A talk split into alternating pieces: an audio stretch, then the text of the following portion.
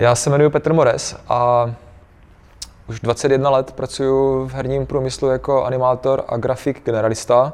Myslím si, že stejně jako většina lidí z mé generace, eh, já jsem ročník 72, eh, jsme začali s počítačem v 80. letech, kdy ještě za komunistů se sem přes Tuzex dováželi první 8-bitové počítače. Tenkrát se lidi dělili na dva tábory antagonistů, to byli spektristi nebo Sinclairisti a ataristi, tak eh, my jsme patřili k ataristům s bráchou. A vlastně to byly naše první krůčky, rodiče nám koupili Atari 800 XL, eh, což je stroj, na který mám velmi vřelé vzpomínky. Některé ty hry do dneška si vzpomínám, že byly skvěle, skvěle udělané s tím maličkým, s těma maličkýma možnostma. Na mátko bych třeba jmenoval Rescue on Fractalus. Byla parádní, parádní 8-bitová hra. No a už tenkrát jsem se snažil, jsme se snažili s bráchou jakoby programovat něco. E, jako student na gymnáziu jsem napsal primitivní grafický editor, který v podstatě zaznamenával tahy ne myší, ale joystickem a, a měl jsem tam i nějaký interface na volbu barev a dokonce jsem s ním vyhrál jakési kolo nějaké soutěže tvořivosti komunistické mládeže v roce 1988 školní. No a potom jsem se ale, jako vůbec jsem si nepředstavoval, že bych se tím nějak živil, protože neměl jsem úplně blízko k matice a ke computingu, spíš jsem se viděl jako tvůrčí typ. Takže jsem vystudoval filozofii a angličtinu tady v Brně na Masarykově univerzitě. A po nějakých, po nějakých životních příhodách jsem uh, začal se živit tím, že jsem učil angličtinu ale v té době začal eh, jakoby internet se rozšiřovat v české populaci na konci 90. let, to byly ty modemy telefonovací. A brácha, programátor profesionální, mě upozornil, že existuje 3D software Blender, který je free, zdarma, a že se v tom dají dělat hezké věci, tak jsem si stáhl Blender, začal jsem v tom něco tvořit, naučil jsem se základní 3D, začal jsem být aktivní v eh, té komunitě, a byl dobrý timing, protože zrovna v té době ta firma, která Blender dělala, oni se jmenovali Not a Number v Holandsku, získala funding, peníze investiční od tehdejšího gigantu, dnes už v podstatě neexistující firmy Nokia. Nokia tenkrát, a to mně přijde zajímavé, to je takové slušné retro, Nokia tenkrát si najala Not a Number jako startup, který měl vyvíjet 3D pro mobilní telefony. A to bylo tenkrát, jak kdyby třeba dneska člověk řekl přistát na Venuši. Jo? Nikdo si to nedokázal představit, protože tenkrát byli v Nokia, byl prostě jednobarevný had, jo, který měl frame rate 3 rámečky za vteřinu a prostě představa, že by tam fungovalo 3D, které fungovalo jenom na nejsilnějších stolních PC tenkrát, tak bylo to neuvěřitelné. Nicméně Nokia viděla dopředu, a chtěli mít tady tu technologii prostě náskok, takže si najeli Not a Number. A Not a Number mě oslovili, abych pro ně dělal demo artista, abych dělal dema. A v té době taky implementovali modul do toho Blenderu, který se jmenoval Game Blender. Ani vlastně nevím, jestli to tam pořád ještě je. Oni ten software pořád jako rozšiřují, je to výborný software teda. Zatím stojí myšlenka jednoho člověka. On sobě říká, že je socialista, jo, Ton Rosendal se jmenuje.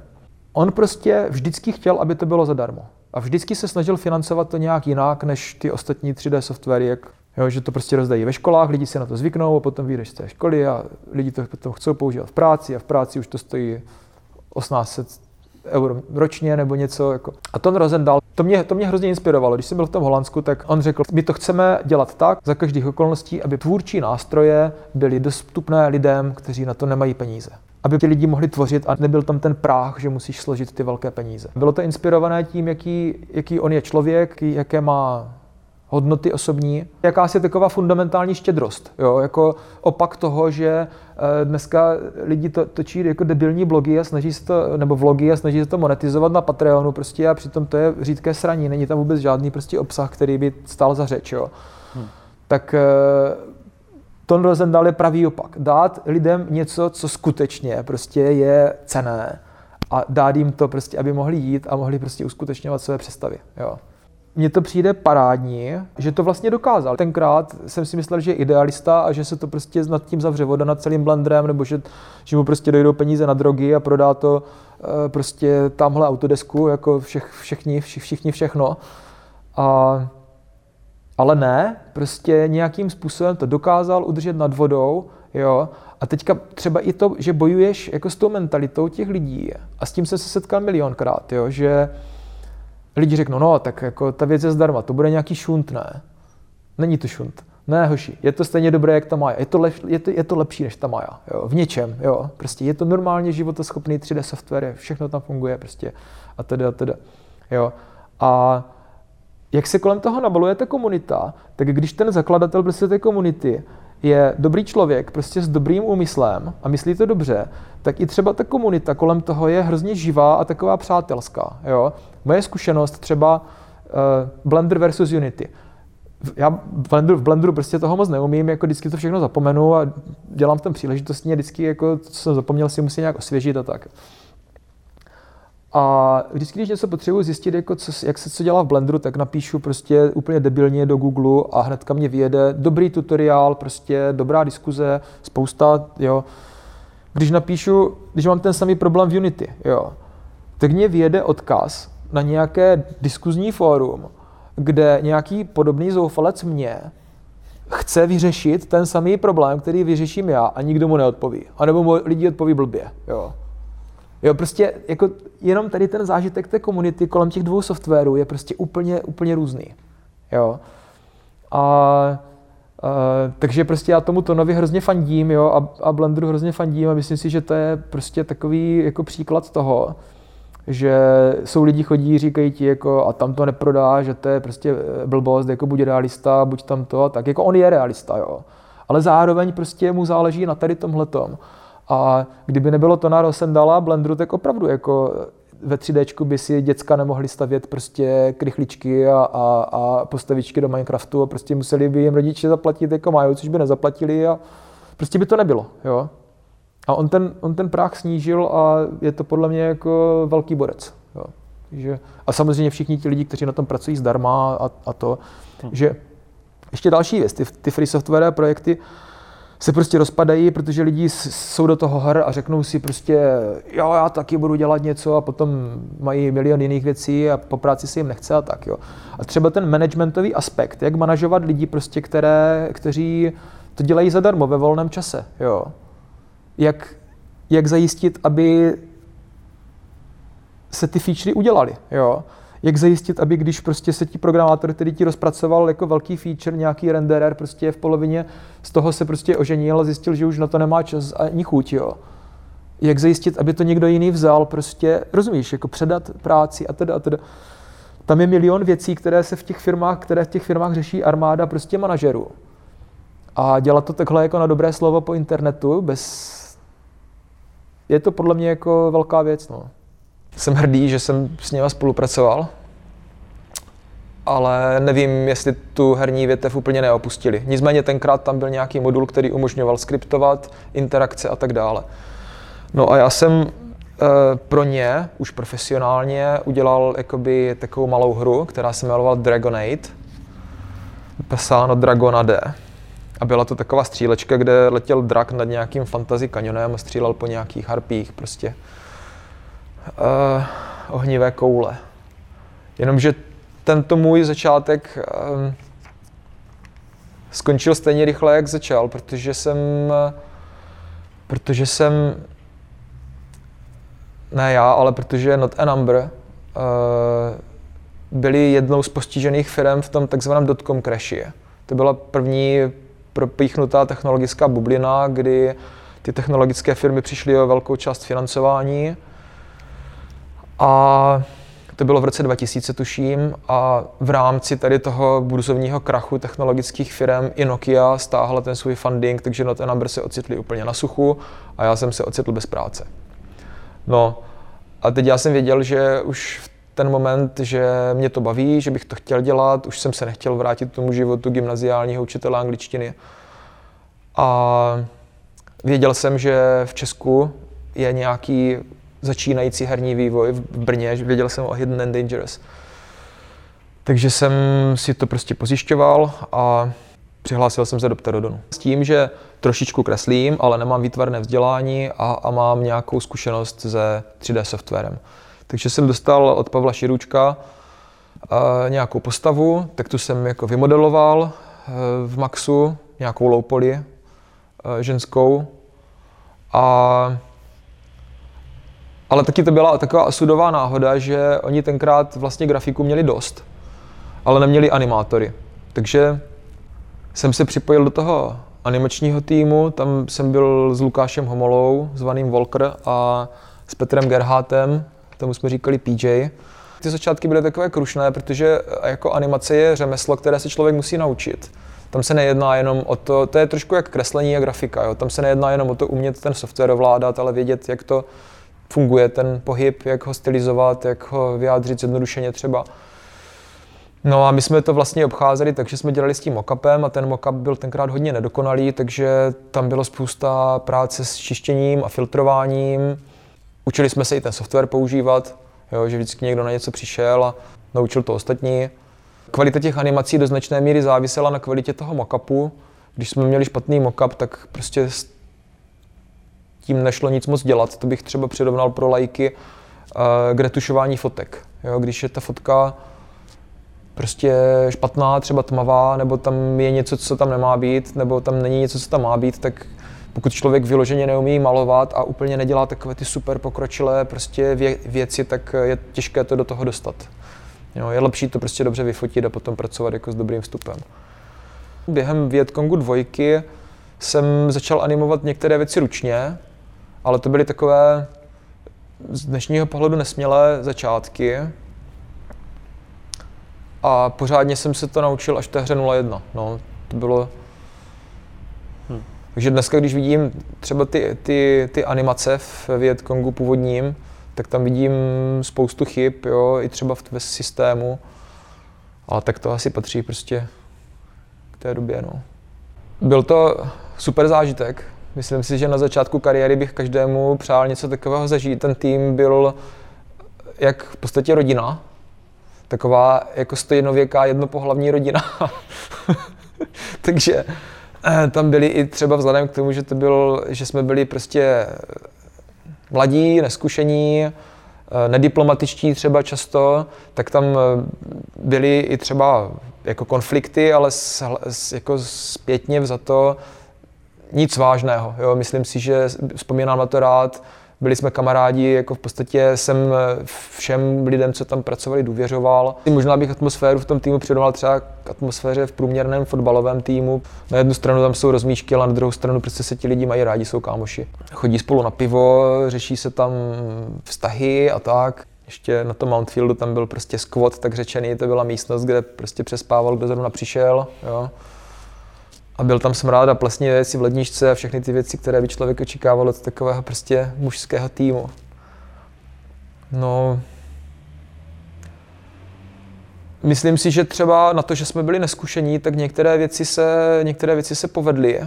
Ne mě, ale tomu týmu, jo, že já jsem tam opravdu spíš byl jako Benjamínek a nemůžu si připsat jako žádný, uh, žádnou zásluhu. Možná, možná kromě té hudby, řekněme, jo, prostě za to, že ta hra byla dobrá, ale jako důvod, proč ta hra byla výjimečná, byl třeba v tom, že, eh, že jsme opustili ten původní direction, že to bude Rambo style, že jsme šli tím realistickým směrem a to bylo takové kolektivní rozhodnutí, tam těžko říct, jako jestli tam hrál roli jeden člověk. Jo. Myslím si, že Jára s eh, Michalem Janáčkem měli prostě to rozhodnutí udělali, ale zase na druhou stranu tam byli uh, Zdeněk Mezihorák, který, bez kterého by to třeba tady ten realistický směr vůbec neklapl, podle mého názoru, ten jako vyrešeršoval a prosadil tam spoustu věcí, které v té hře se ukázaly jako zásadní třeba ty věci s tím vrtulníkem, že každá mise, že tam prostě byly ten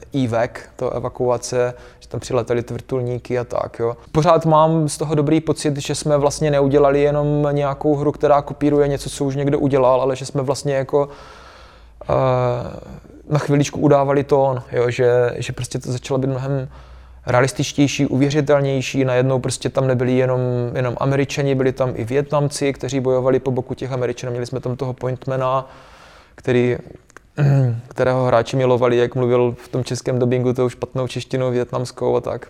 I to třeba, že ta hra vlastně končí tím, končí v podstatě porážkou. Jo.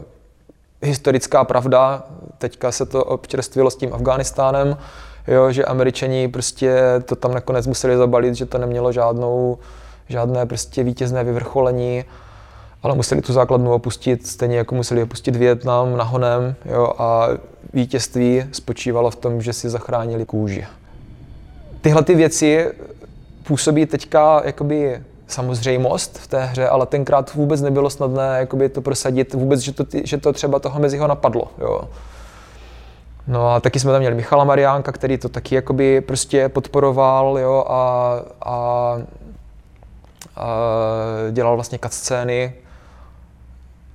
A tak to bylo, to si myslím, že bylo fajn. No. Tak eh, já jsem se na těchto věcech nepodílel přímo, ale ten, ten tým prostě to ze sebe nějak vymáčknul, takže jsem rád, že jsem, sem, že jsem se tam k tomu nachomítl. Ale teda věc, na které se spodílel, je ten soundtrack. Na, na tom se podílel intenzivně. Takže ten, to, to vzniklo jak? Ten soundtrack, to, eh, na tom jsem se podílel intenzivně, to vzniklo v podstatě náhodou. Uh, původně byla představa, že uh, no, původně byla představa taková všeobecně sdílená, že soundtrack bude stejný jako k jiným válečným hrám, to znamená dunivá orchestrální hudba. A byl tam i příklad toho, toho hydnu, který eh, s tím měl úspěch, i když třeba v úplně jiném kontextu, v kontextu té druhé světové války. A já jsem měl takový nápad, že by se mohla použít jakoby dobová hudba nebo dobově znějící hudba, protože e, tam byl předobraz v těch filmech o větnamské válce. Některé z nich vyloženě na tom soundtracku stavěli, jako Full Metal Jacket nebo Apocalypse Now. To vyloženě využívali prostě k navození té dobové atmosféry.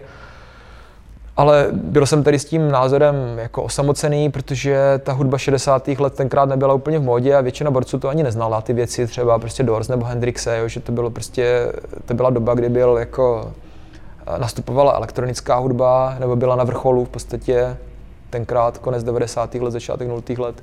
Jo, takže to prostě se jezdilo na rave party a tak dále. Prostě tahle ta hudba byla úplně jako out. Jo.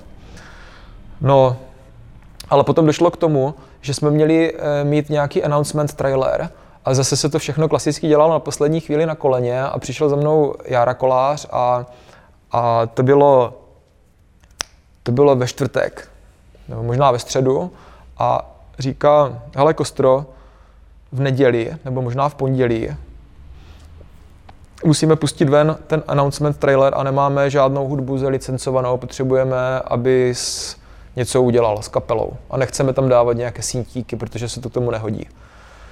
A já jsem říkal, Járo, ale prostě to jsou čtyři dny a já nestihnu nic naskoušet s kapelou, prostě to, to nestihnem. Jo? To by, muselo by se zabukovat studio, kde, které prostě to se dělá tři měsíce dopředu a tedy a tedy. A, no Jára prostě pokrčil ramenama, jak on to umí a řekl, nějak, ty to nějak zvládneš, nějak to udělej. Jo? Prostě projevil velké množství důvěry. A já jsem si říkal, OK, tak něco zkusím. A protože jako každý kytarista, který prostě hraje rock, tak miluju Hendrixe, protože to byl genius, který nastavil tón a vymyslel spoustu věcí, které potom se rozvíjely dál. Takže mám Hendrixe nastudovaného a říkal jsem si, OK, tak co kdybych zkusil napodobit zvuk Jimmyho Hendrixe, který je velice spjatý s tou érou, protože on byl jeden z těch, co zemřeli v 27 a tvořil vlastně jenom 4 nebo 5 let. Jo a ten jeho zvuk s tou větnamskou válkou, machine gun prostě a všechny tyhle ty věci, jo. Tak. Takže jsem se prostě nad tím zamyslel, to bylo ve čtvrtek, jo, v pátek jsem, eh, v pátek jsem si říkal, jo, ale tak asi to neudělám jakoby toho elektrického Hendrixe, který, protože on má vlastně ty dvě strany, takovou tu lirickou, tichou a potom tu apokalyptickou, prostě jak hraje tu americkou hymnu na Woodstocku a prostě taky teda mu vazbí a píská, je to rozladěné, on s tou pákou, jo, a zní to jak konec světa. Tak to jsem si říkal, na to bych potřeboval sehnat prostě ty, ty cajky, prostě nějaký starý Marshall, musel bych mít jeho prostě Fender Stratocaster, to kytaru, musel bych to pozhánět, jsou to drahé věci, prostě lidi se to hlídají, jsou to prostě... To nešlo, jo. Tak jsem si říkal, tak OK, tak zkusím prostě jít tím opačným směrem, uh, prostě ten lirický Hendrix, jo. A navíc jsem věděl, že to nestihnu naskoušet s kapelou, že ani prostě nebude čas. Uh, takže Uh, takže jsem se prohrábl těma věcma, co jsem od něho uměl, jakože třeba, já nevím, to jsou takové ty, jako Wind Cries Mary, jo, tak.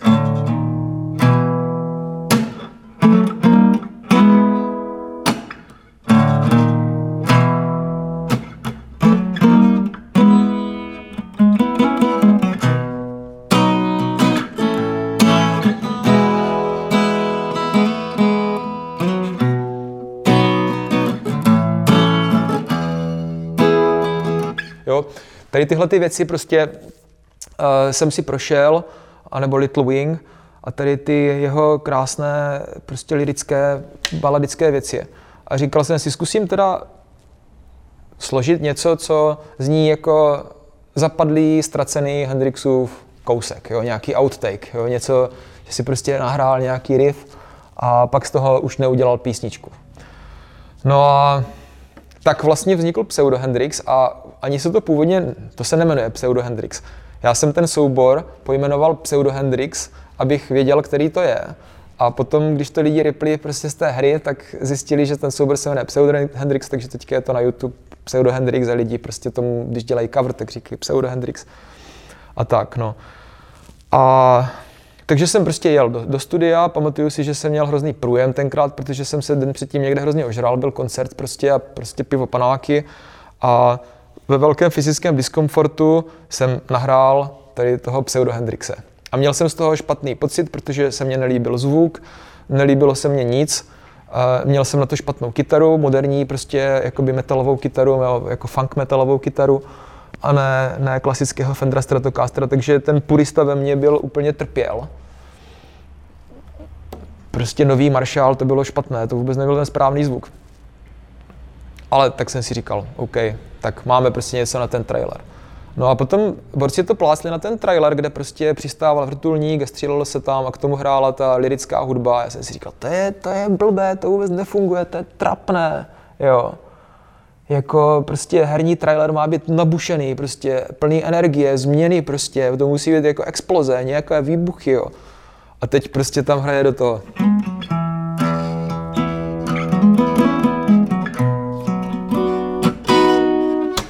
Ale nějakým způsobem to zafungovalo. Takže uh, prostě lidem se to asi líbilo, ten trailer dopadl dobře, každopádně nikdo si nestěžoval příliš a náš tehdejší zvukař Pip, Filip Oščádal, tak prostě si tu hudbu vzal a dal tu hudbu do buildu, který jsme posílali na pravidelné jakoby, eh, reviews do, eh, k vydavateli, což bylo tenkrát Take Two. Tak jsme to dělali několik měsíců a potom si nespomínám přesně, jak to bylo, ale někdo tam dal nějakou jinou hudbu. Nevím, jestli ten Pip to změnil nebo něco. A z Take Two uh, prostě došel, došel feedback, jakože všichni tam chcou zpátky tu hudbu, která tam byla, protože je boží a protože si prostě na to zvykli. A já jsem byl velice skeptický. Já jsem říkal, no tak to je tak se vším. Prostě lidi si zvyknou na cokoliv, co slyší, když uh, se jim pouští pořád dokola debilní písnička v rádiu, tak mají pocit, že se jim to začne líbit, protože to znají. Jo? A neměl jsem pocit, že to je dobrá, dobrá volba. Ale já byl rád asi, že prostě lidem od vydavatele se to líbí. Tam byl ten producent, Rupert Easterbrook se mi se jmenoval. A ten z toho byl nadšený taky, tak, takže prostě proč to měnit, když, to, když se to lidem líbí. A já jsem říkal, já jsem říkal, ne, ne, ne, to je, to je, to je úplně špatné, to je prostě, je to úplná kokotina a já to udělám pořádně. Jo? A já řekl, OK, tak udělej to pořádně. Tak já jsem prostě složil něco jiného, nějak jsem to možná upravil a šel jsem znovu do studia, teďka jsme tam laborovali se zvukem, aby to bylo takové a makové a nahrávali jsme to přes nějaké moderní digitální cajky a long story short, přivezl jsem něco, co se nikomu nelíbilo.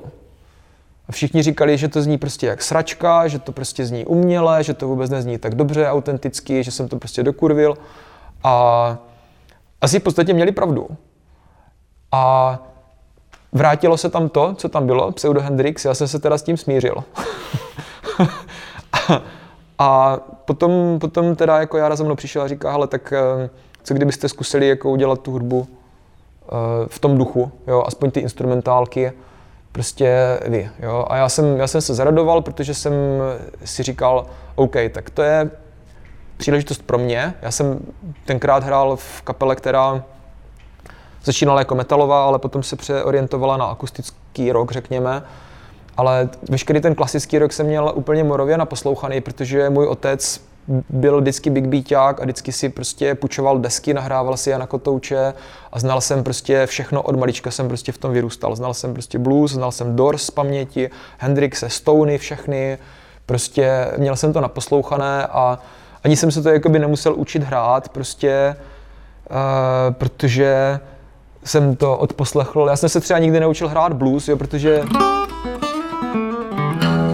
to jsem prostě nějak jako nachytal ze vzduchu, jo, protože to u nás pořád hrálo a, a učil jsem se ty zepelíny a tak, jo.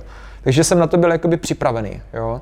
No a tak, tak jsem eh, prostě složil pár věcí a vždycky jsem se, vždycky jsem se řídil, přizval jsem teda k tomu toho Tomáše Šlápotu, kterému, kterému jsem důvěřoval jako producentovi a jako, jako takovému jakože sounding board, prostě člověk, který ti řekne, že něco je blbě, nebo že něco je dobře, nebo tě nasměruje, když ne, nevíš co a jak, tak v tomto směru tam se hrál velice důležitou roli Tomáš.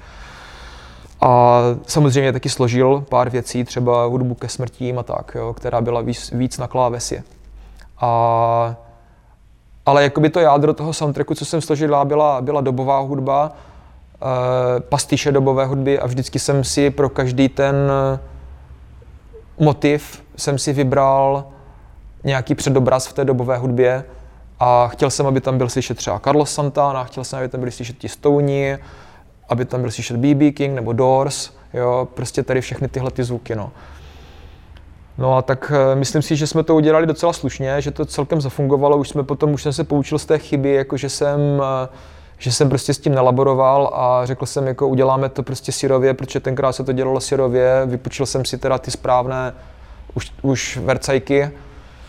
No to měli jsme třeba Telecaster, který prošel rukama vlasti Redla, takže to byla prostě kytara, která měla hrozně takový autentický jako zvuk, který nebylo potřeba nějak digitálně honit, znělo to prostě jako staře a tak. Měl jsem už toho Fendera Stratocastera, takže to bylo dobré. Eh, že jsem měl tu Hendrixovu kytaru. Jo. A tudíž bylo mnohem snadnější znít jak Hendrix než s tou metalovou samohrajkou.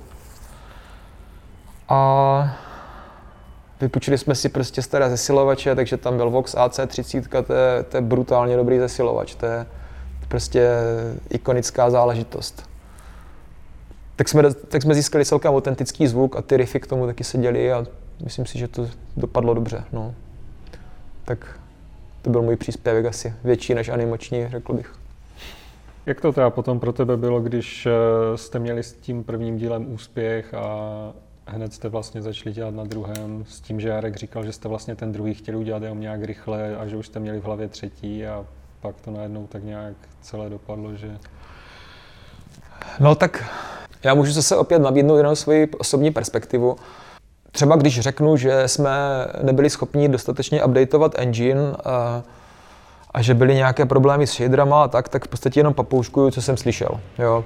Toto o tom nejsou schopný fundovaně promluvit. A z mého pohledu jsme si trošičku podřízli větev pod sebou tím, že jsme nebudovali ten trademark té hry v džungli a že jsme vlastně větší část Vietkongu 2 se odehrávala ve městě a stala se z toho tím pádem taková generičtější, uh, řekl bych, střílečka. Že jsme nestavěli prostě na tom našem unikátním brandu, jo. Tolik.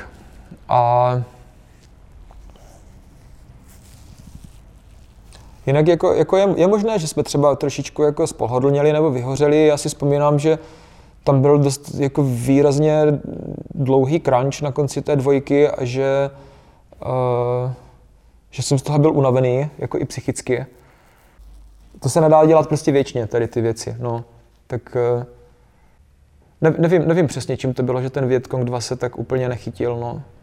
Ale je pravda, že třeba když jsem přišel do Cryteku, tak tam mě pár lidí řeklo, že když dělali Far Cry prostě pro ně průlomovou hru, tak uh, že Vietkong první pro ně byl v podstatě benchmark, jo? že prostě tu hru jako analyzovali a dívali se na to, jak je všechno udělané a řekli si, jako toto je teďka prostě standard, to je state of the art, toto je nejlepší hra, prostě, která se odehrává v otevřené džungli. A my musíme být lepší. A tím pádem, když jsem tam přišel, tak eh, lidi, kteří pracovali na Far Cry, tak mě prostě poklepávali po rameni, což bylo docela jako příjemné a nečekané. Tak jsem jim řekl, že já s tím nemám nic společného. Ale díky. no, tak jako to jsou, takové, to jsou takové věci, to jsou takové vlny. Prostě tam o úspěchu nebo neúspěchu té hry rozhodují úplné, úplné prkotiny často. Jo? Tam prostě ta konkurence je tak velká, že uh, prostě třeba nějaké problémy u releaseu, které jsme měli s jedničkou, nás dost, dost možná stály třeba milion, milion třeba jednotek prodaných. Jo? Tam byl, vzpomínám si, že tam byl nějaký, u nějaké várky těch CDček byl nějaký problém s tím, že uh, ta hra pořád hrabala na CD, takže se prostě strašlivě zpomalovala. A vyšly špatné recenze, vzpomínám si, eh, že jeden z recenzentů si z toho udělal jako taky duchaplný vtip, že řekl jako eh, s tímhle frame, frame ratem není divu, že jsme tu válku ve Větnamu projeli. Jo. Takže prostě lidi si přečetli recenze, že, že to je prostě hra, která je příliš ambiciozní a nejede. Jo. Potom jsme to samozřejmě v peči opravili, ale v recenze nikdo nestáhne, prostě to je, takové věci se prostě stanou, no. Takže hmm. věřím tomu, že dneska ve firmách jako v EA prostě mají armády lidí na to, aby se taková věc zaručeně nestala, ale tenkrát, když jsme to dělali na koleni a rychle, tak prostě něco udělal, někdo udělal chybu, prošlo to QA prostě a byl z toho potom průser. Reálný, jo. Který nás poškodil, takže takové věci se dějí, no. No jasně, tak ono dneska už je to, jako kdyby třeba dneska vyšel Vietcong 2, tak by měl asi jinou historii, no, než, než tehdy, když ještě nebyl Steam a nemohl si stáhnout patch hnedka, jak vyjde a nestáhl se ti automaticky patch hnedka, jak vyjde v podstatě. No.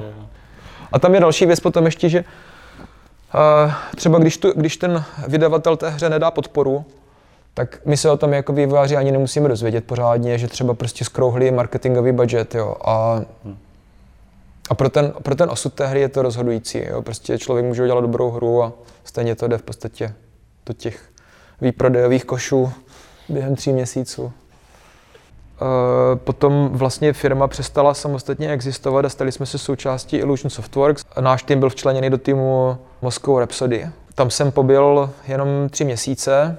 Je možné, že jsem nepřežil takové ty e, prvotní problémy, protože představ si tu situaci, máš tým, který nějak funguje a teďka do toho týmu se snažíš začlenit prostě dalších 20-30 lidí, řekněme.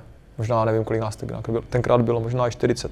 Takže tam vznikají duplicity, lidi se bojí o práci, lidi se bojí o vliv, ty týmy je těžké promísit, jo, protože pterodoni věří pterodonům, jo, ilužní věří ilužnům, teďka prostě jsou tam třecí plochy, jak to zorganizovat, aby všichni měli práci, aby lidi spolupracovali, naházeli si klacky pod nohy, aby se odstranila ta nedůvěra a tak. To je jako manažerský oříšek, si myslím, v každé situaci by byl. No a vím, že spousta borců tam zůstala a že jako měli nakonec z toho dobré jako zážitky a zkušenosti. Já jsem jenom vnímal takový ten prvotní prostě diskomfort, že jsme najednou eh, třeba můj osobní věm, takový naprosto subjektivní, uvědomuji si, že to je prostě taková trošku dojmologie, ale jak nás nervali do těch kanclů prostě a bylo nás tam hrozně moc, jo, tak tam bylo prostě, to byl takový žalář trošku, tam byly prostě malé místnosti, které eh, najednou tam prostě museli narvat jako stoly, kde se dalo, jo, takže prostě v malé místnosti nás bylo třeba šest, jo, a teď tam byl prostě smrad, jo, a někdo prostě, někomu byla zima, někomu bylo horko, někdo chtěl klimu, někdo nechtěl klimu, jo, a pterodoni se bavili s pterodonama, jilužní s jilužnama, jo, teď to bylo prostě takové divné, když se něco prostě posralo, tak eh, pterodoni řekli, že se to může ilužní, ilužní řekli, že se to může pterodoni, jo. Prostě bylo to tam, netěšil jsem se do práce, jako bylo to tam takové jako krušné, jo. A když se objevila ta příležitost uh, jít do té hry 0-1, tak jsem potom skočil, protože, protože tam šli dobří lidi, jo. byl tam Sol, Ivo Novák, tak uh, to je prostě jeden ze zásadních lidí v Pterodonu, prostě uh, do, dobrý progíž a, a takový svérázný člověk, nejlepším slova smyslu, prostě dobrý borec, jo. Takže a, a brácha tam šel, protože brácha se Solem prostě jedna ruka, jo, ti si rozuměli. Uh, celé to vymyslel Mezi, který jako Mezi je taky své rázný člověk, jakože prostě, eh, když nebojí se konfliktu, když je potřeba něco prosadit, jo, ale je to, je to prostě borec, jo, má, má, má dobré nápady, má svůj pohled na ten herní design, jo, a já to akceptuju, že lidi, kteří mají názor, uh, že, že prostě spolupráce s nimi může být složitá, jo. A myslím si, že do této kategorie jsem několikrát spadal i já, takže jako prostě mezi pro mě byla taky záruka kvality. A e, jako modelář se tam přidal Vítek Budín z tehdejších plastiků Diablo a e, Robo Chudý tam dělal vlastně jako manažera, producenta. Taky velice chytrý borec, jako ambiciozní, motivovaný, vnesl do toho úplně jako jiný jako rytmus, jo. A takže prostě všechny ty lidi jsem tam chtěl s něma být v jedné místnosti, dělat na něčem, jo.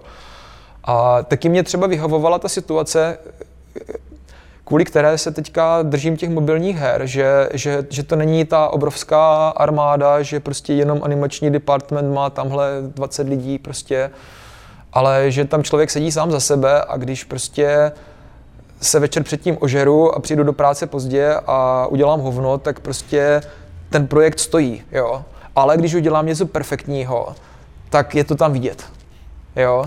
Takže buď teda člověk dělá na tom velkém projektu a je tam ten mraveneček, jo, anebo děláš na tom malém projektu, ale prostě záleží na tobě v dobrém i ve zlém, jo. Co uděláš dobře, je super, co posereš, tak je prostě tvoje, tvoje vina, jo.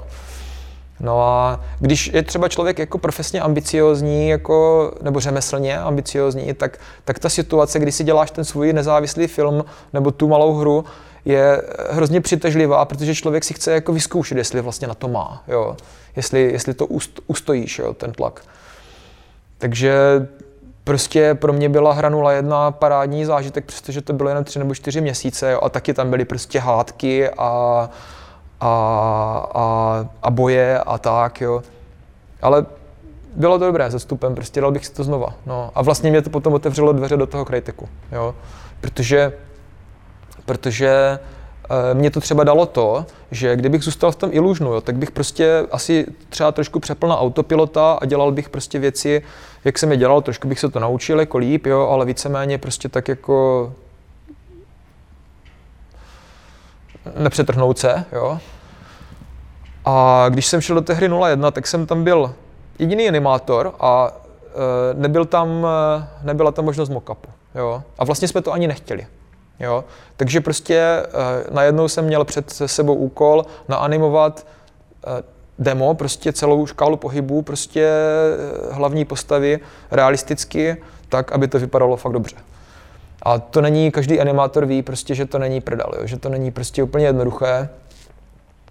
A já jsem, já jsem prostě úplně freneticky v té době uh, a, a už i předtím, prostě v tom ilužnu jsem se prostě začal jako vzdělávat, že jsem, že jsem si jako koupil nějaké placené videa, nejenom takové ty YouTube, prostě, kde jsem se prostě učil nějaké finesy, ale hlavně jsem nakoupil knížky a některé z nich se ukázaly jako nepoužitelné, ale prostě v podstatě život mě zachránila knížka, která se jmenuje Animator's Survival Kit. Docela doslova. Protože to je, to je prostě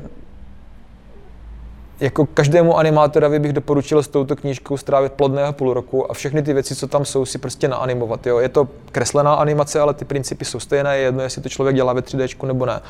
Ale prostě ten Animated Survival Kit je závěť mistra animace, který na konci života prostě neřeší, neřeší prostě peníze, neřeší vlastní pověst a konverzačním tónem sází na prosté perly. Jo. Prostě to je mnohem víc než nějaké kurzy na Udemy nebo, nebo něco, prostě lidi, kteří si budují kariéry, slibují, že prostě to a Animation Mentor, já nevím co. Prostě Animated Survival Kit to je naprostá perla, jako prostě tu knížku je zapotřebí mít, i kdyby stála tisíc dolarů a všechno s ní, jo. Prostě to ze mě udělal dobrého animátora. No a takže prostě jsem tady tohleto, tím jsem prošel a pracoval jsem na tom dnem i nocí, prostě o víkendech, jo, a tak, jo. A výsledkem bylo to, že to demo mělo jako vysokou kvalitu animací, že jsem prostě jako poskočil o level výš a když jsem z toho potom udělal nový showreel a poslal jsem ho do Cryteku, tak eh, mě zavolali a zeptali se mě, jestli jsem náhodou neukradl cizí práci, protože kvalita té animace byla úplně jiná, než to, co jsem jim posílal v podstatě rok předtím. Jo. Takže když to shrnu, pro mě hranula jedna obrovský profesní zlom, přestože finančně nebo časově to byl takový kousíček v mé kariéře, to bylo, tam jsem se jako, tam se, tam se ze mě stal profík. Hranula 1 vyjednávala vlastně s eh, Düsseldorfským vydavatelem té série Ano o tom, že bychom pro ně udělali hru a vypadalo to docela slibně, nicméně taky se to neuskutečnilo z důvodu toho, že ti Sunflowers měli finanční potíže, o kterých jsme nevěděli a skončilo to tím, že je vlastně odkoupil Ubisoft, takže z nich se stali jako Ubisoft Düsseldorf nebo Ubisoft Sunflowers, nevím přesně, jak se to jmenuje ta firma teďka, jestli vůbec ještě existuje.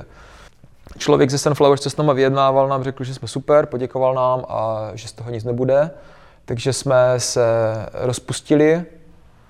Uh, nicméně během těch tří nebo čtyř měsíců jsme udělali tech demo, které podle mého názoru bylo výborné, že jsme udělali velký kus práce a bylo to prostě smůla, která v tom herním průmyslu nastává často protože projekty se prostě ruší a tak dále a tak dále. To jsem potom ještě zažil mnohokrát. My jsme měli takovou představu, že ta hra bude uh, v podstatě Robinsonáda. Jo, tam myslím, že jsme tomu i říkali jako Codename Robinson, že nějaký chlapík, kluk se z nějakého důvodu odstne na uh, ostrově v Pacifiku, který je neobydlený a musí si, musí si opatřit živobytí, musí, si tam, musí se tam nějak jakoby, uchytit. Jo. Byla to taková survivalovka. Jo. A teď, teďka jako ten, ten, ten koncept byl takový, že to prostředí té hry se mění s tím, jak se mění ta postava, že ze začátku ti bude stačit eh, oštěp a budeš tam mít prasata, které si můžeš zabít doštěpem, potom, ale potom si budeš muset prostě nějak řešit uh, zimu a jako úkryt a tak dál, jo, že oblečení prostě, že, že by to byla taková částečně akční hra, částečně hádanková jo, a že by ten hrdina ten svět postupně zabydloval. Byl to takový ambiciozní koncept a potřebovali by se na, bychom na to velký tým, protože samozřejmě mezi jako správný designer měl představu, že všechno musí být interaktivní. A to vyžaduje spoustu asetů, tak eh, kolem toho taky probíhaly nějaké debaty, ale, ale myslím si, že ten koncept byl dobrý, no, zajímavý. Hmm. To asi to bylo někdy... To bylo 2000, 2006. No tak tehdy, myslím, ty survivaly ještě nebyly tak rozjeté, jak jsou dneska. No. No a Potom, potom se teda, když tady to nedopadlo, tak se dostalo toho Cryteku. Ano, potom jsem se přihlásil, potom jsem uh, vzal ten svůj nový showreel a přihlásil jsem se do toho Cryteku. Jinam jsem se nehlásil z toho důvodu, protože Crytek je blízko, jako fyzicky a bylo to přece jenom něco jiného dojíždět eh, jako do Cryteku, než dojíždět už třeba do Londýna, nebo to už bych... Prostě bylo pro mě důležité, abych se nepřestěhoval úplně. No a do Krajteku, teda do Krajteku, do, do Frankfurtu jezdí ještě myslím, že do dneška noční autobusy, že v Brně se člověk nalodí večer v 9 a v 8 ráno ve Frankfurtu, takže jsem takhle jezdil.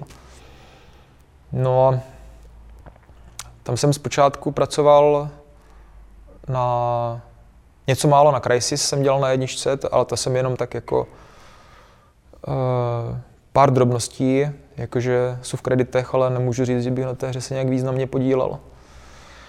No a potom jsem jako většinu času jsem strávil uh, v tom takzvaném druhém týmu, protože Crytek Frankfurt si uvědomoval, že Crysis jako je hlavní projekt a vždycky se snažil jako dělat něco jiného a rozjet ještě nějakou jinou úspěšnou franšízu.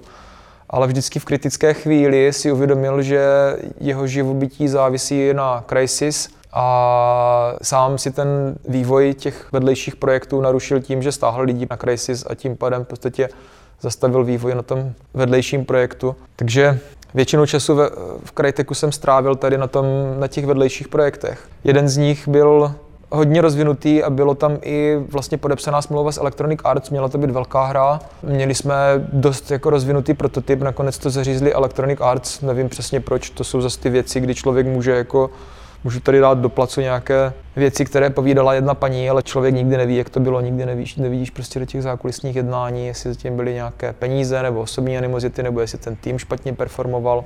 Těžko říct. Moje třeba zkušenost, kterou jsem si z toho odnesl a kterou mě potvrdili i lidi z jiných týmů, je, že eh, když má ten tým moc peněz a moc času, může to pro něho být stejně jakoby až destruktivní, jak když ten tým má málo peněz a málo času. Vytváří to taky nějakou takovou dynamiku, kdy se věci dělají, ale ne, nedodělávají a myslím si, že to byl trošku ten případ, že to byl takový jako přeleželý projekt jo? a v tom týmu byli i třeba osobní jako rozpory, pořád se tam měnili nějací direktoři. Crytek tenkrát určitě byla firma, která kladla velký důraz na vysoký realismus a kvalitu těch asetů, zejména těch animací. Jo, takže tam jsem byl jako animátor pod velkým tlakem, ale, ale pod dobrým tlakem, řekl bych. A našel jsem si tam takovou svoji niku, kdy jsem v podstatě dva roky pro tento projekt jenom řešil locomotion animace, jako základní pohyby, běhy, chůze. A měl jsem dost striktní zadání, že uh, nestačí vzít jako běh z mockupu, ale musí ten běh vyjadřovat charakter té postavy. Jo? Aby, aby všechno, co ta postava dělá, prostě vše, každým svým pohybem vyjadřovala nějaký charakter, který byl v těch design dokumentech. Jo? To bylo parádní zadání, bylo to, uh, bylo to ambiciozní v dobrém slova smyslu, protože ty postavy v těch hrách pořád působí takovým jako toporným způsobem. V té, době, v té době něco podobného začala dělat Assassin's Creed jako s uh, armádou animátorů, jo a se strašně složitým animačním systémem jako ve hře. A já jsem za tu dobu naanimoval spoustu věcí, které mně přijdou jako dobré a velice použitelné, ale ten projekt byl zaříznutý prostě z jiných důvodů, ale pořád mám třeba ve svém showreelu, mám animace tady z toho projektu. Třeba borce, který jako jde s bouchačkou nad hlavou a, a prostě tí, jenom tím, jak jde, prostě má ten, má ten swag, prostě má v té chůzi prostě vyjadřuje, že s ním nejsou žádné žerty, jo. A jako tohle to dostat do té animace prostě bylo složité, ale zajímavé a tě, pracoval jsem prostě způsobem, měl jsem prostor a čas na to, abych to prostě fakt jako vyladil, jo.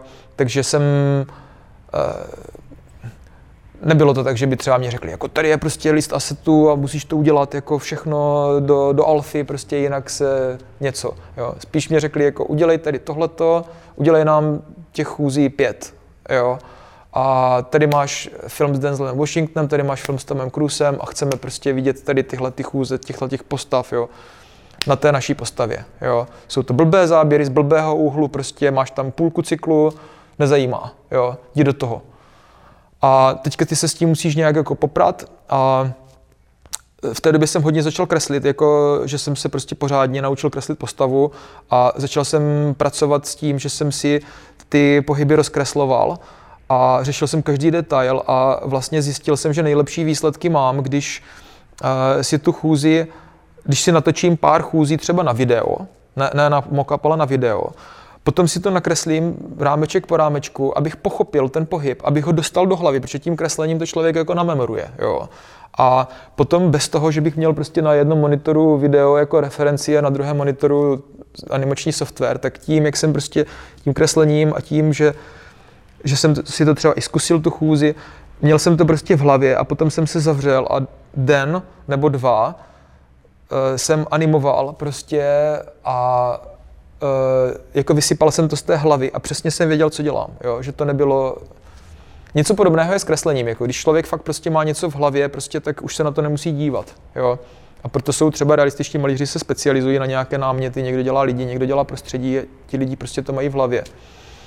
Takže to byl zase ještě úplně jiný level, že v té hře 0.1 jsem pochopil, jak ta animace funguje.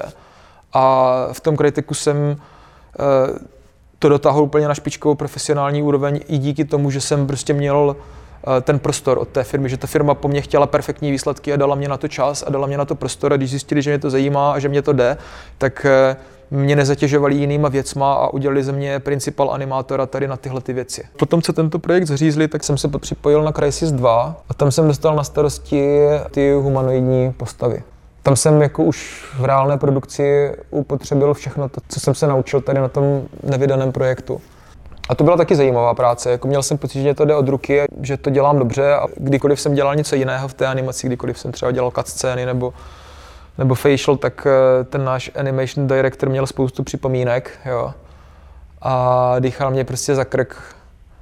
Ale když jsem dělal tedy ty human locomotion věci, tak eh, to bylo bez připomínek. To bylo prostě, měl jsem pocit, že to dělám dobře a že všichni ví, že to dělám dobře, že to udělám rychle a že to udělám nejlíp z celé té firmy, takže jsem to dělal já. No. A z toho mám taky dobrý pocit, jako ty, ty postavy byly fajn, byl tam dobrý animační systém.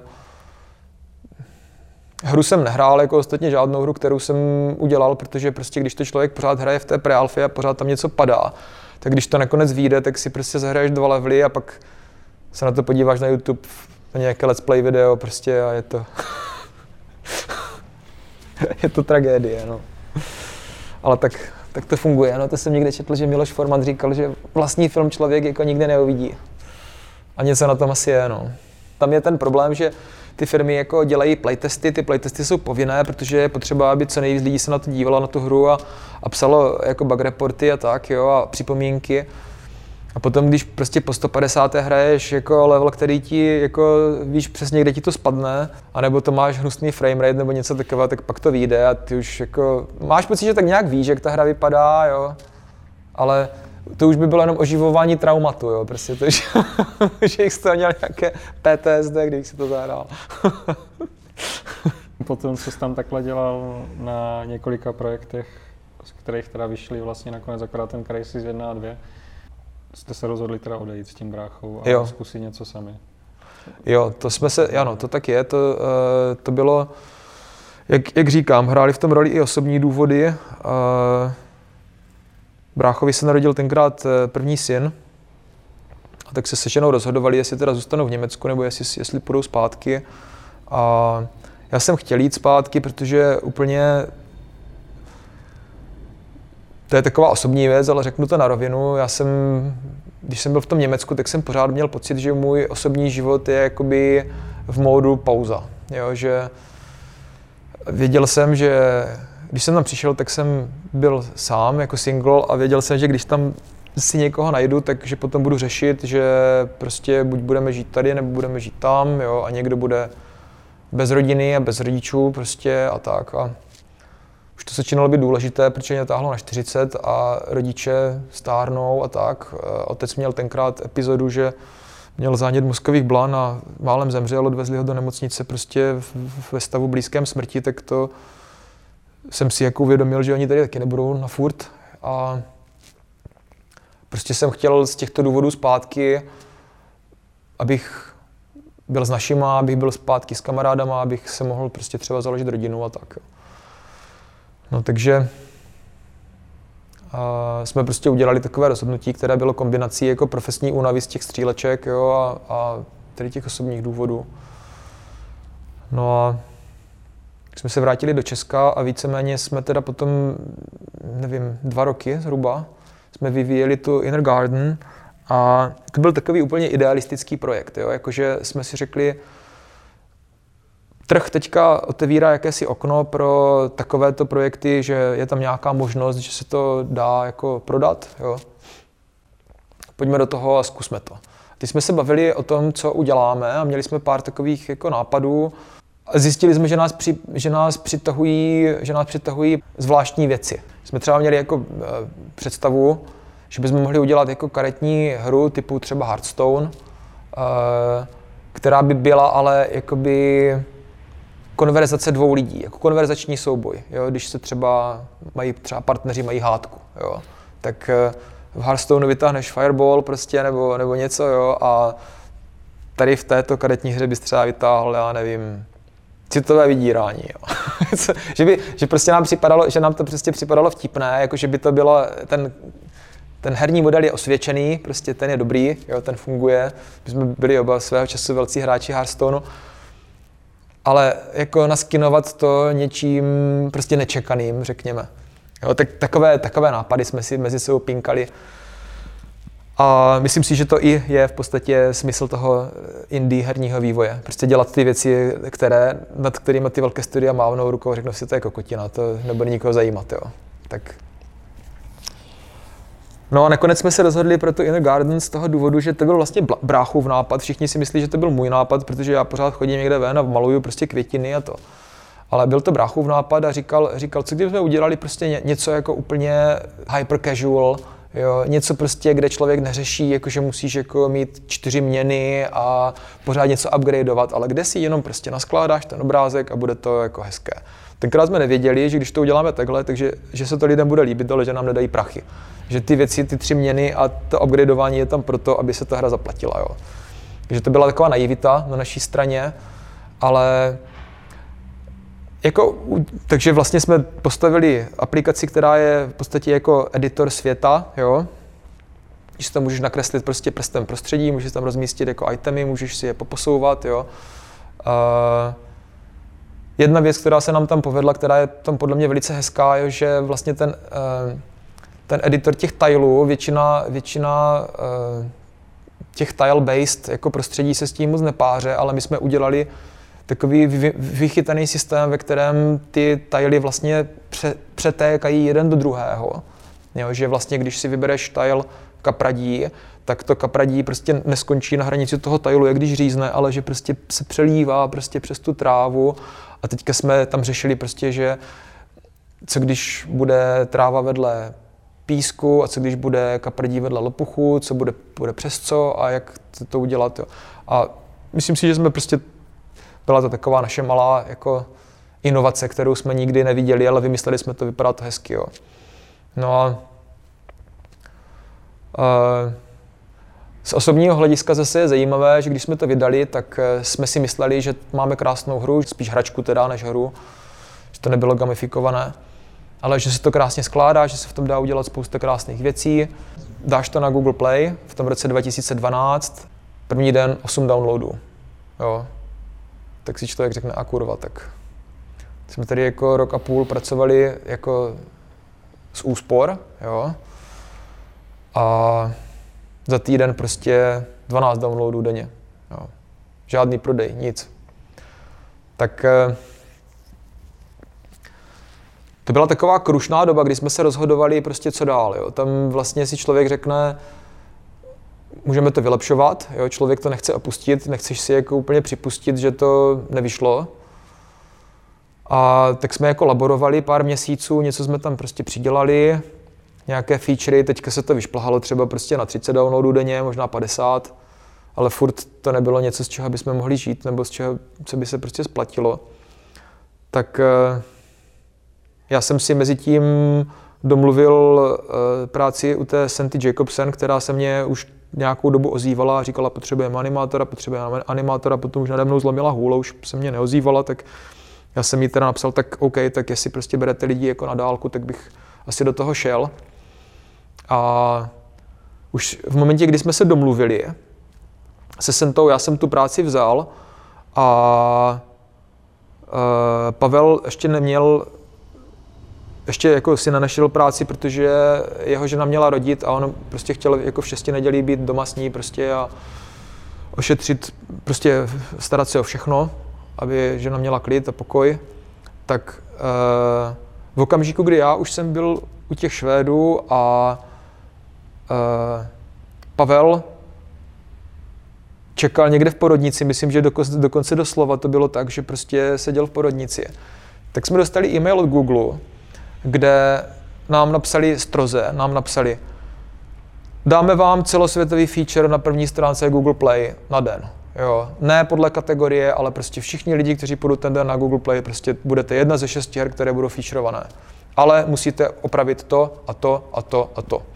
Jo? A byly to většinou úplné prkotiny, třeba prostě změnit funkci back button v nějakém kontextu, jo? protože to je proti interním guidelineům Google. Jo? No, tak jsem zavolal bráchovi, který prostě seděl v porodnici a řekl jsem mu, tak nevím, jak to uděláš, ale máš na to týden. A všechny ty tásky byly jeho, programátorské. Jo? Na mě tam nebylo vůbec nic. Jo? Takže brácha prostě přes den jako vařil a přebaloval děcka a v noci programoval. A pak jsme to teda jako poslali tomu Google, oni to schválili. Jo, a teď tam vlastně najednou ten pocit, po tom, co máš 4-5 měsíců, tam máš těch 30 downloadů denně, jo. Tak najednou se podíváš na tu konzoli a 60 tisíc downloadů za den, 80 tisíc downloadů za den. Prostě, koment, prostě komentářů, jako hodnocení, jo, jako do té doby, když se tam objevilo hodnocení, tak jsem vždycky na to odpověděl, to bylo jednou za tři dny prostě, nebo tak, jo. A najednou prostě 30-50 hodnocení za den. Jo. Už to nestíháš, prostě vůbec jako není možné. Jo. A teď jako mezi těma hodnoceníma pozitivníma se tam objevují ti trolové. Prostě to je cokoliv jde virálního na internetu, tak prostě ti tam lidi dávají jednu hvězdičku a napíšou ti tam jako jste čuráci, proč není všechno zadarmo. Jděte do prdele. Jedna hvězdička, jo. A máš to. A teďka vlastně vůbec nevíš, co s tím a tak, jo.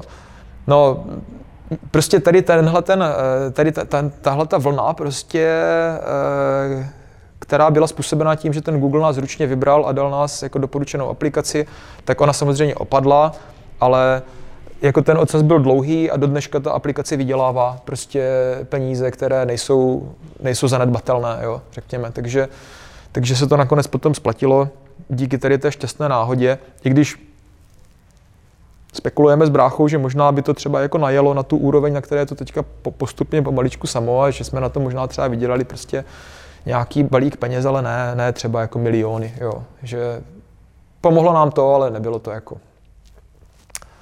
nebylo to nějaká jako epické zbohatnutí. Ale každopádně prostě ty náklady na ten vývoj se splatily, kdyby jsme si jako vypláceli výplaty, tak by jsme měli na výplaty zpětně, takže jsme aspoň neměli jako černou díru v rozpočtu a mohli jsme si říct, že jsme to prostě nějak zvládli. Ale zároveň jsme se poučili o tom, že mobilní trh se stal velmi jako těžkým místem k prosazení a člověk musí opravdu prostě s tou monetizací hodně laborovat a že nestačí, když je hra hezká, když je hezky udělaná.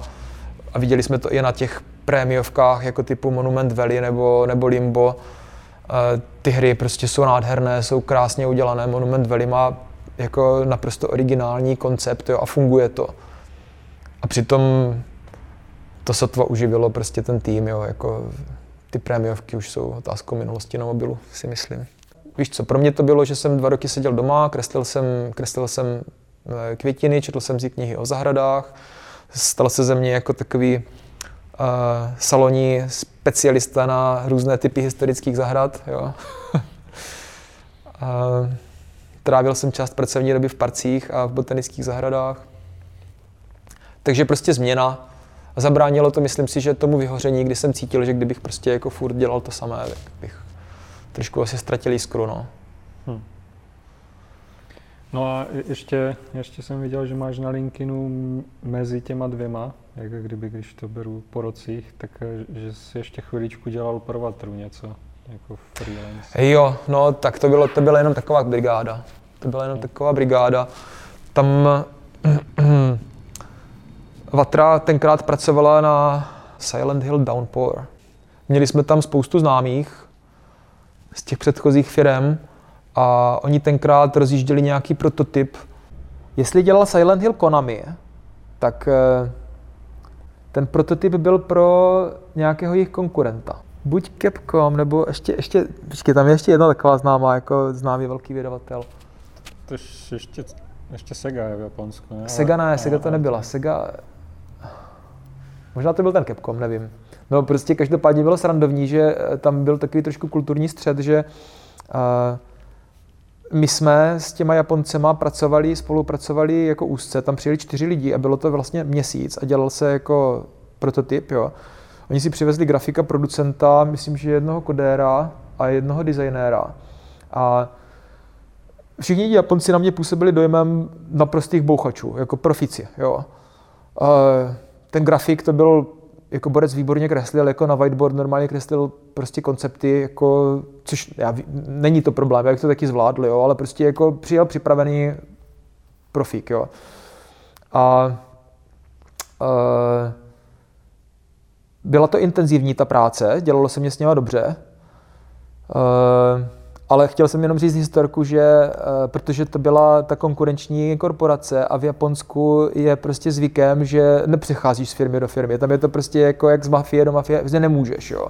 Prostě kdybys přešel z Capcomu do, do Segi, tak uh, prostě si můžeš spáchat jako sebevraždu, prostě, protože jsi porušil všechny pravidla cti, jo, protože své korporaci je člověk věrný až za hrob, jo, a prostě mezi něma jsou uh, jako je tam taková kultura, že ty vztahy nejsou úplně korektní, ale že ti lidi si to berou osobně. Jo. No, prostě měla přijet delegace z Konami, aby se podívali na alfu, nebo co, toho Silent Hillu. A bylo akutně potřeba prostě schovat ty druhé Japonce, aby se nepotkali prostě, protože by mohlo dojít nějakému prostě rituálnímu násilí. Tak, tak e, jsme vymysleli, že jsme vzali ty naše čtyři prostě s, e, do jako na celý den pryč, jakože do vojenského muzea v Králíkách a do střelnice, kde si můžeš vystřelit prostě z Magnumu a já nevím co. Takže to byla, to byla sranda, no, že jsme prostě to museli jako zametat stopy, no. A to je asi tak všechno, co k tomu mám, to je asi nej, nejzábavnější, no. Jsme udělali nějaké demo, ale prostě ne, neklaplo to, nevím proč.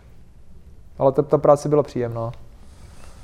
A taky třeba bylo dobré, že pro mě, že jsem byl zase jako jeden animátor na prototypu a že jsem zase měl pocit, že na mě záleží a každý den, co do té hry udělám, tak tam prostě bude na druhý den, jo, a že se to prostě posouvá dopředu a to je, to je super pocit. No. Potom jsme se jakoby s bráchou rozešli, ne jako ve zlém, ale každý jsme začali dělat jinde. Po deseti letech on začal pracovat tady v místních brněnských firmách herních jako programátor v Madfingeru, v eh, Bohemce, až do, myslím, že předloňská, kdy uh, opustil herní průmysl a začal pracovat jako programátor v Red Hatu brněnském.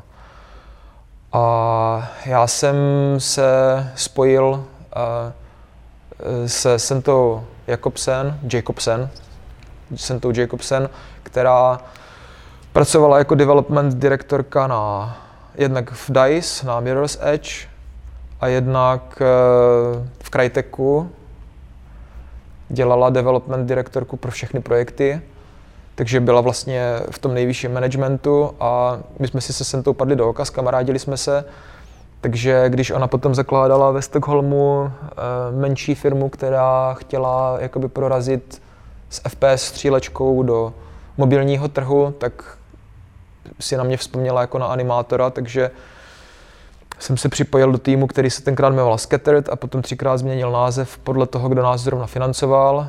Takže potom jsme byli Gumi Sweden a potom jsme byli Foxglove a pak jsme se rozpadli úplně, protože jsme byli příliš drazí a ty naše hry nebyly tak úspěšné. Ten mobilní trh je strašlivě kompetitivní. Tam i z těch profesionálních projektů uspěje prostě každý, já nevím, 20. 50.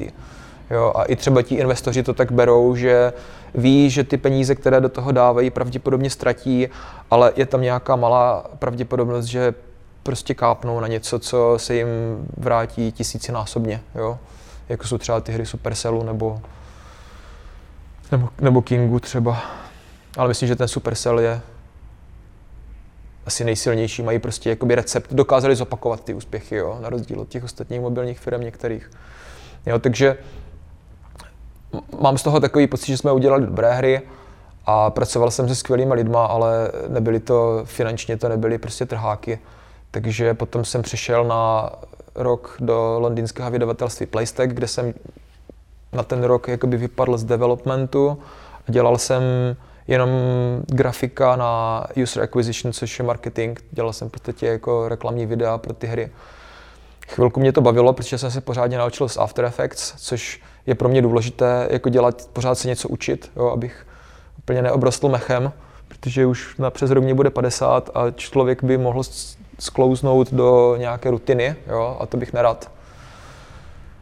Takže bylo to dobré, pracoval jsem s jiným typem lidí na jiném typu obsahu, ale potom se mě ozvali jakoby eh, kamarádi, známí z toho švédského studia, kteří převzali jednu z těch her, které jsme udělali, Muscle Hustle, a dělají pořád live ops pro tu hru a pořád to vyvíjíme. Ta hra jakoby nebyla schopná uživit 10 lidí, nebyla schopná ještě vydělat peníze vydavateli, ale když to děláme ve třech nebo čtyřech lidech, tak je to tak nás to prostě uživí a je to, je to fajn, protože se známe, jsme kamarádi, můžu dělat z domu a je to pohoda. Není to třeba tak prestižní, jak eh, když řeknu, že jsem dělal na Crisis, ale z mého pohledu z kvality života je to fajn. Ty mobilní hry mě vyhovují uh, z toho důvodu, že tam se mnohem líp člověk uplatní jako generalista. Takže já kdybych dál dělal třeba ty trojáčkové hry, tak bych se musel jako úzce specializovat, tak jak jsem třeba byl v tom Cryteku, což je vždycky zajímavé na nějakou chvíli, ale já prostě na to ne, za prvé nemám povahu, protože se rád učím nové věci. A za druhé si myslím, že i z hlediska kariérního to není, není to moje volba. Nechci říct, že to je špatná volba specializovat ale myslím si, že člověk na tom trhu práce přežije líp, když umí víc věcí. A Uh, to je otázka strategie. Jsou prostě lidi, kteří dělají třeba, kteří třeba portují uh, hry na konzole, jo, a ti, ti lidi mají hrozně specializované know-how a je to, vím od bráchy, že to je strašně složité, že se hrabou v tom hardwareu na hrozně nízké úrovni, že to, že to prostě musíš fakt znát, nestačí být jenom dobrý programátor. A ti lidi jsou hrozně žádaní, jsou dobře placení, můžou si klást podmínky, jsou velice dobře placení, ale je to, je to jedna věc, jo, a, a i, ten, i ta nabídka těch míst je jakoby celkem malá. Takže, a, protože rád kreslím, i ve volném čase pořád jako něco dělám a mám spoustu takových tady těch aktivit, tak jsem m, mm, spíš se přiklonil k tomu mobilnímu vývoji, i když, jak říkám, není to takový uh, glamour, jo, prostě, že člověk nemůže, když někde přijdu a řeknu, jako, že jsem pracoval na Crysis, tak určitá sorta lidí prostě chce, abych se jim podepsal jako na kozi, jo, ale jako z mého pohledu vím, že ty hry, které dělám teďka, že jsou prostě ztracené v moři těch apek, jo, a spousta lidí zahlíží na mobilní hry, že to je že to je prostě, že to je šrot a že to jenom vybudovává závislost a že to nejsou pořádné hry a tak, jo, ale jako pro mě je třeba mnohem zajímavější dělat na hře, na které tamhle dělám partikly, tamhle udělám animace, tamhle si zakreslím něco, nějaké pozadí, je nás v týmu čtyři nebo pět, to znamená, všichni jsou jako, jsme kamarádi, jak jsme jak rychlé šípy, prostě není tam nikdy, žádný prostě kazišuk nebo nějaký prostě člověk, se kterým bys musel jako že by člověk v neděli večer měl nějaké takové to svírání žaludku, že prostě půjdu do práce a zase tam bude ten čurák, zase po mně bude vozit, prostě zase mě bude vracet práci, zase mě to bude znepříjemňovat, zase mě tam někdo bude pomlouvat. Prostě není. Jo? Takže z hlediska kvality života je to mnohem lepší. No, no a teďka, teďka vlastně ty poslední tři roky s přestávkou pracuji na hře, která se jmenuje The Muscle Hustle a je to Eh, je to klasická mobilovka, takže je, je zdarma, je tam obrovská rozvětvená metahra. Eh, jsme tam dva grafici na té hře, můj kolega je nějaký Peter König, příjmení německé, křesní jméno holandské, je to holandian, nicméně indonéského původu, tři čtvrtiny krve má jako indonésan. Skvělý profík, výborně kreslí, on dělá hlavně teda postavy, jo, jakože kreslí ty karty, jo. To je pro mě úplně ideální partner, protože my máme i podobnou povahu, prostě posloucháme podobnou muziku, prostě Tool a Soundgarden, tady ty jako alt, uh, alternat, alt metalové kapely prostě z 90. let, jo. A prostě je super pracovat s člověkem, který vždycky mě dost, dá nějaké asety, které mě inspirují a, uh, a ještě prostě, když uh, si voláme kvůli pracovním věcem, tak se nakonec začneme bavit o kytarách prostě nebo o něčem, jo, prostě a, a, a je to prostě, je to dobrý, dobrý mini tým, no. Takže a chtěli bychom udělat eh, ten Muscle Hustle, teďka děláme live ops, to znamená, že tam pořád do té hry něco doděláváme, eh, protože to je samozřejmě asi možná samozřejmost pro tebe, ale pro spoustu lidí ne, že eh, pořád to musím vysvětlovat dokola, že mobilní hra nekončí vývoj tím, že se to vydá, ale v podstatě začíná. jo, protože na rozdíl od těch her v krabici, máme hrozně moc dat o tom, jak to lidi používají, co je tam seré, prostě, co jim tam naopak funguje, eh, kde třeba ztrácíme peníze a tak dále, a tak dále, takže prostě na té hře se pracuje podle těchto dat. Jo, a samozřejmě, že tam doděláváme obsah, různé eventy a, a tak. A ta hra má jako tvrdé jádro lidí, kteří, kteří to Eh, hrají hrozně rádi a hrozně to řeší. Má velice aktivní facebookovou skupinu, kde ti nej, nejvíc engaged hráči se tam různě uh, tak jak ti uh, wrestleri ve skutečném, v tom skutečném biznisu, tak tam prostě jako je tam ten, ten trash talk, jakože prostě si tam různě různě si tam jako vyhrožujou, že A je to zábava, protože ta komunita je taková živá, je tam spousta takových jako v dobrém slova smyslu divných lidí. Celý, jako celá ta oblast těch počítačových her přitahuje lidi, kteří něčím nezapadají. Jo. Je to taková hra, že já jako opět, já jako developer já tu hru hraju, ale když bych si měl zahrát prostě s kýmkoliv z těch našich pokročilejších hráčů, tak mě rozseká prostě jako na maděru ještě, než skočím do ringu. Jo, a z hlediska tvůrčího prostě ta hra je vlastně, to je sling, slingshot mechanika, že tam prostě lítají puky, které se odráží jako podle nějakých fyzikálních pravidel. Jo. Já jsem si tam třeba prosadil věc, kterou nikdo moc nechtěl, a to je, že ty, ty, naši, ty naše legendy, ti legendaries, když do toho ringu vstupují, tak jako správný wrestler americký má prostě nějaký jaký ten gimmick, jo, jako to entrance, že prostě hraje hudba, jo, a teďka tamhle Undertaker prostě z rakví jde nebo něco, jo, a někdo prostě přiletí po laně a já nevím co.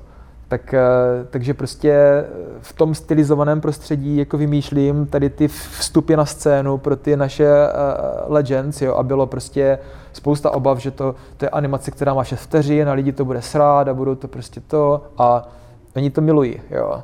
Prostě taková ta pompa, že každý z těch zápasníků má ten svůj charakter, prostě ten svůj příběh jo, a teďka prostě má ten nástup na scénu bombastický v duchu toho svého, té své persony. Tak eh, je to sranda prostě. Mám pocit, že ty lidi to baví, jako a mě to taky baví, když to ty lidi baví, takže je to... No a chtěli bychom, chtěli bychom udělat nějakou, uh, nějakou novou hru, jako teďka začínáme prostě konceptovat, jo, budeme asi možná proto zhánět jako nějaký funding, ale zatím ho nepotřebujeme, protože ten maslo haslo nám vydělává, což teda jako čuk na dřevo. A je to zajímavé, protože říkám, jsou tam chytří lidi, kteří mají různé nápady, hrají různé hry a třeba jako co se týče těch mobilních her, tak poslední rok a půl hraju Brawl Stars prakticky denně. Jo, je to podle mě dobře, čistě udělaná hra, je zábavná.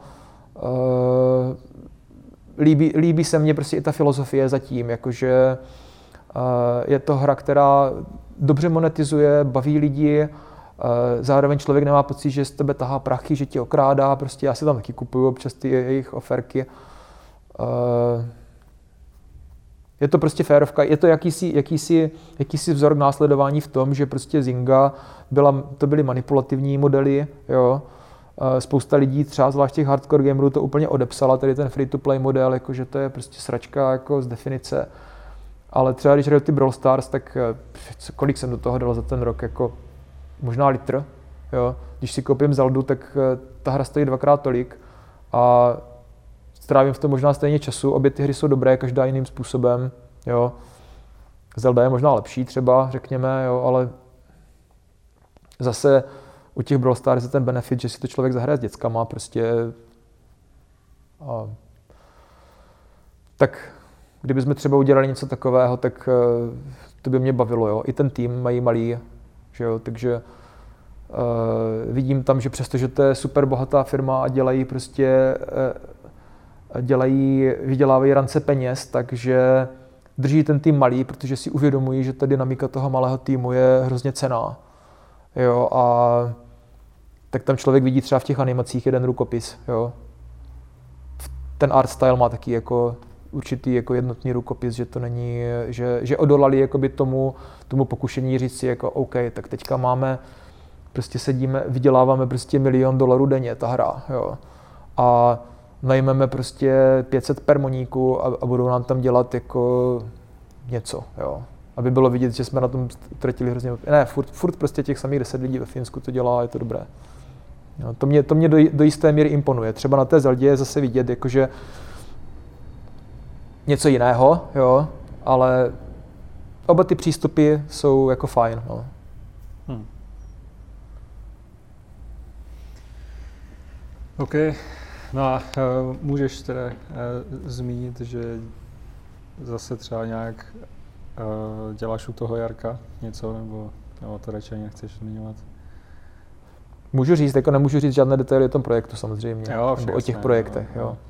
Ale jako tam si myslím, že uh, se jedná o to, že s Járou, jak už i se spoustou dalších lidí z Ptadodonu a z jiných firm, kde jsem pracoval, tak zůstávám v kontaktu. Uh, mám to rád, když člověk profesně někoho potká, s kým si sedne, tak eh, ti lidi zůstávají součástí mého života a sleduju, co dělají a když se objeví nějaká příležitost, jak se říká, vrátit se na místo činu, tak, tak tak to vítám v podstatě. Takže uh, s Jarou jsme byli vždycky tak nějak ve spojení a myslím si, že teďka mluvím za Jaru, jo, takže možná to je jinak, jo, ale myslím si, že jako určitý, určité, určité semínko nebo semínko té naší současné spolupráce, kdy vlastně pomáhám s Art Direction na tom jejich současném projektu, tak to semínko jsem zasil asi někdy v roce 2016 nebo 17, kdy uh, jsem, jsem uh, dělal jeden ze svých jako mimo pracovních projektů a to bylo, že jsem se výrazně a dlouhodobě angažoval pro hnutí Duha. A tam ta spolupráce začala tak, že jsem, oni mě oslovili, abych jim namaloval kalendář z těch ostrůvků divočiny, řekněme, které tady v České republice máme. Já jsem namaloval kalendář, eh, potom jsme se dohodli, že uděláme aukci těch obrazů. Eh, a taky jsem tam měl štěstí, že jsem tam narazil na Báru Holickou, která si to hrozně vzala za své a je to strašně jako šikovná holka. Jo, a prostě kdybych tam narazil na nějakého lenochoda, tak by nic z toho neproběhlo, ale ta Bára to velice jakoby potlačila. A nakonec jsme udělali těch obrazů z té série Česká divočina tři aukce Jedna z nich byla online, dvě byly jako eventy. Vydrželi se obrazy za 250 tisíc zhruba, bylo to celkem i úspěšné. Já jsem potom z těch obrazů, co se neprodali, tak jsem doma prostě udělal takovou domácí vernisáž, protože jsem těch obrazů namaloval hrozně moc a jednu dobu jsem jezdil prostě pořád po těch pralesích a maloval jsem tam a věnoval jsem se tomu velice jako intenzivně a dal jsem to na Facebook a napsal jsem jako přijďte, kdo chcete, jako budou tam ještě 40 obrazů, co mě zbylo můžeme si prostě dát víno. A přišel Jára s Magdou a prostě si to prohlížel a potom nějak to začalo sledovat na tom Facebooku a myslím si, že ani Jára do té doby nevěděl, že jsem prostě hodně mal, začal malovat v plenéru a že jsem hodně začal řešit jako světlo skutečné a tak, jo, v té přírodě třeba. Uh, a potom jsme se tak nějak jako bavili, jako že no, když prostě, kdybych tohle to uměl, prostě když jsme dělali ten Vietkong a ten les, jo, že prostě a tak dál a tak dál. No a součástí té promo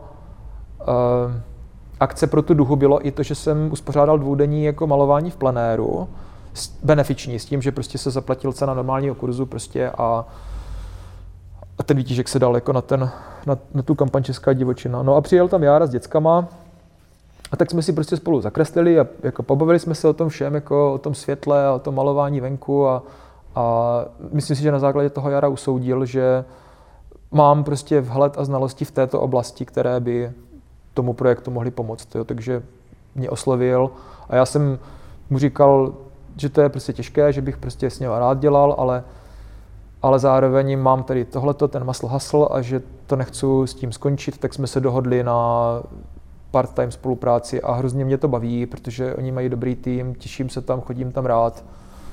Ty diskuse jsou plodné. Já třeba neznám uh, všechny ty technické věci ohledně toho, jak se dělá světlo a atmosféra v Unrealu, ale zároveň dokážu prostě s těma klukama komunikovat tak, aby, uh, aby to bylo prostě přínosné. Já tam nedělám art direktora v tom smyslu, že bych přišel a řekl bych tak, hoši, bude to vypadat takhle do příště, jo. A jestli ne, tak prostě jste lůzři a budu nasraný, jo. Ale spíš třeba řeknu, jako za této situace by tohle to bylo tmavší a tam ten eh, ambient occlusion by vypadal trochu jinak. A jestli chceme, aby to bylo spíš jako takové nočnější, ale ne úplně noční, tak prostě s těma barvami bych udělal toto a tohle to bych dal do světla, tohle to bych dal do postprocesu. Jo.